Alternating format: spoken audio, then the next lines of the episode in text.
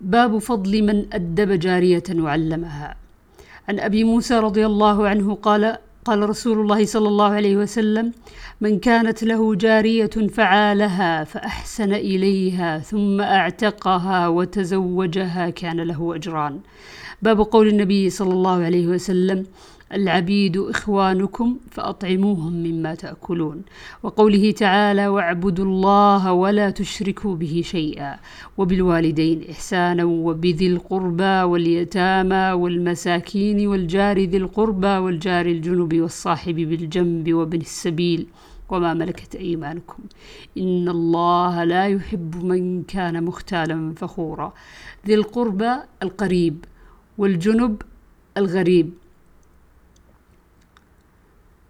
الجار الجنب يعني الصاحب في السفر. عن المعرور بن سويد قال رأيت أبا ذر الغفاري رضي الله عنه وعليه حلة وعلى غلامه حلة فسألناه عن ذلك فقال إني ساببت رجلا فشكاني إلى النبي صلى الله عليه وسلم. فقال لي النبي صلى الله عليه وسلم أعيرته بأمه؟ ثم قال إن إخوانكم خولكم جعلهم الله تحت أيديكم. فمن كان أخوه تحت يده فليطعمه مما يأكل وليلبسه مما يلبس ولا تكلفوهم ما يغلبهم فإن كلفتموهم ما يغلبهم فأعينوهم.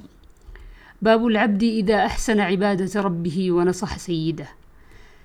عن ابن عمر رضي الله عنهما أن رسول الله صلى الله عليه وسلم قال العبد إذا نصح سيده وأحسن عبادة ربه كان له أجره مرتين. عن أبي موسى الأشعري رضي الله عنه قال قال النبي صلى الله عليه وسلم أيما رجل كانت له جارية فأدبها فأحسن تأديبها وأعتقها وتزوجها فله أجران.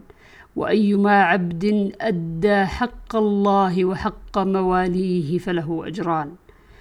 عن أبي هريرة رضي الله عنه قال قال رسول الله صلى الله عليه وسلم للعبد الصا المملوك الصالح أجران والذي نفسي بيده لولا الجهاد في سبيل الله والحج وبر أمي لأحببت أن أموت وأنا مملوك. عن أبي هريرة رضي الله عنه قال قال النبي صلى الله عليه وسلم نعم ما لأحدهم يحسن عبادة ربه وينصح لسيده. باب كراهية التطاول على الرقيق وقوله عبدي أو أمتي. وقال الله تعالى والصالحين من عبادكم وإمائكم. وقال عبدا مملوكا. وألف يا سيدها لدى الباب. وقال من فتياتكم المؤمنات. وقال النبي صلى الله عليه وسلم قوموا إلى سيدكم. وقال واذكرني عند ربك سيدك. ومن سيدكم؟ عن عبد الله رضي الله عنه عن النبي صلى الله عليه وسلم قال إذا نصح العبد سيده وأحسن عبادة ربه كان له أجره مرتين. عن أبي موسى رضي الله عنه عن النبي صلى الله عليه وسلم قال المملوك الذي يحسن عبادة ربه ويؤدي إلى سيده الذي له علي الذي له عليه من الحق والنصيحة والطاعة له أجران. عن أبي هريرة رضي الله عنه عن النبي صلى الله عليه وسلم أنه قال لا يقل أحدكم أطعم ربك وضئ ربك اسق ربك وليقل سيدي مولاي ولا يقل أحدكم عبدي أمتي وليقل فتاي وفتاتي وغلامي. عن ابن عمر رضي الله عنهما قال قال النبي صلى الله عليه وسلم من أعتق نصيبا له من العبد فكان له من المال ما يبلغ قيمته يقوم عليه قيمة عدل وأعتق من ماله وإلا فقد عتق منه.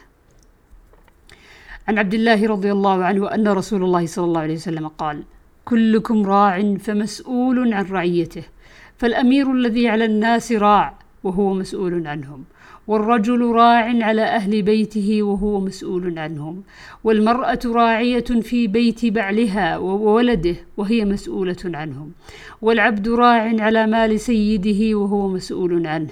ألا فكلكم راع وكلكم مسؤول عن رعيته. عن أبي هريرة وزيد بن خالد رضي الله عنهما.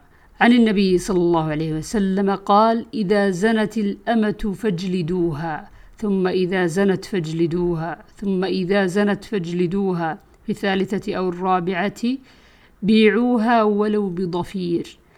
باب إذا أتاه خادمه بطعامه. عن أبي هريرة رضي الله عنه عن النبي صلى الله عليه وسلم قال إذا أتى أحدكم خادمه بطعامه فإن لم يجلسه معه فليناوله. لقمة أو لقمتين أو أكلة أو أكلتين فإنه ولي علاجه. باب العبد راع في مال سيده ونسب النبي صلى الله عليه وسلم المال إلى السيد. عن عبد الله بن عمر رضي الله عنهما أنه سمع رسول الله صلى الله عليه وسلم يقول كلكم راع ومسؤول عن رعيته فالإمام راع ومسؤول عن رعيته والرجل في أهله راع وهو مسؤول عن رعيته. والمرأة في بيت زوجها راعية وهي مسؤولة عن رعيتها. والخادم في مال سيده راع وهو مسؤول عن رعيته. قال فسمعت هؤلاء من النبي صلى الله عليه وسلم. وأحسب النبي صلى الله عليه وسلم قال والرجل في مال أبيه راع ومسؤول عن رعيته. فكلكم راع وكلكم مسؤول عن رعيته. باب إذا ضرب العبد فليجتنب الوجه. عن أبي هريرة رضي الله عنه عن النبي صلى الله عليه وسلم إذا قاتل أحدكم فليجتنب الوجه.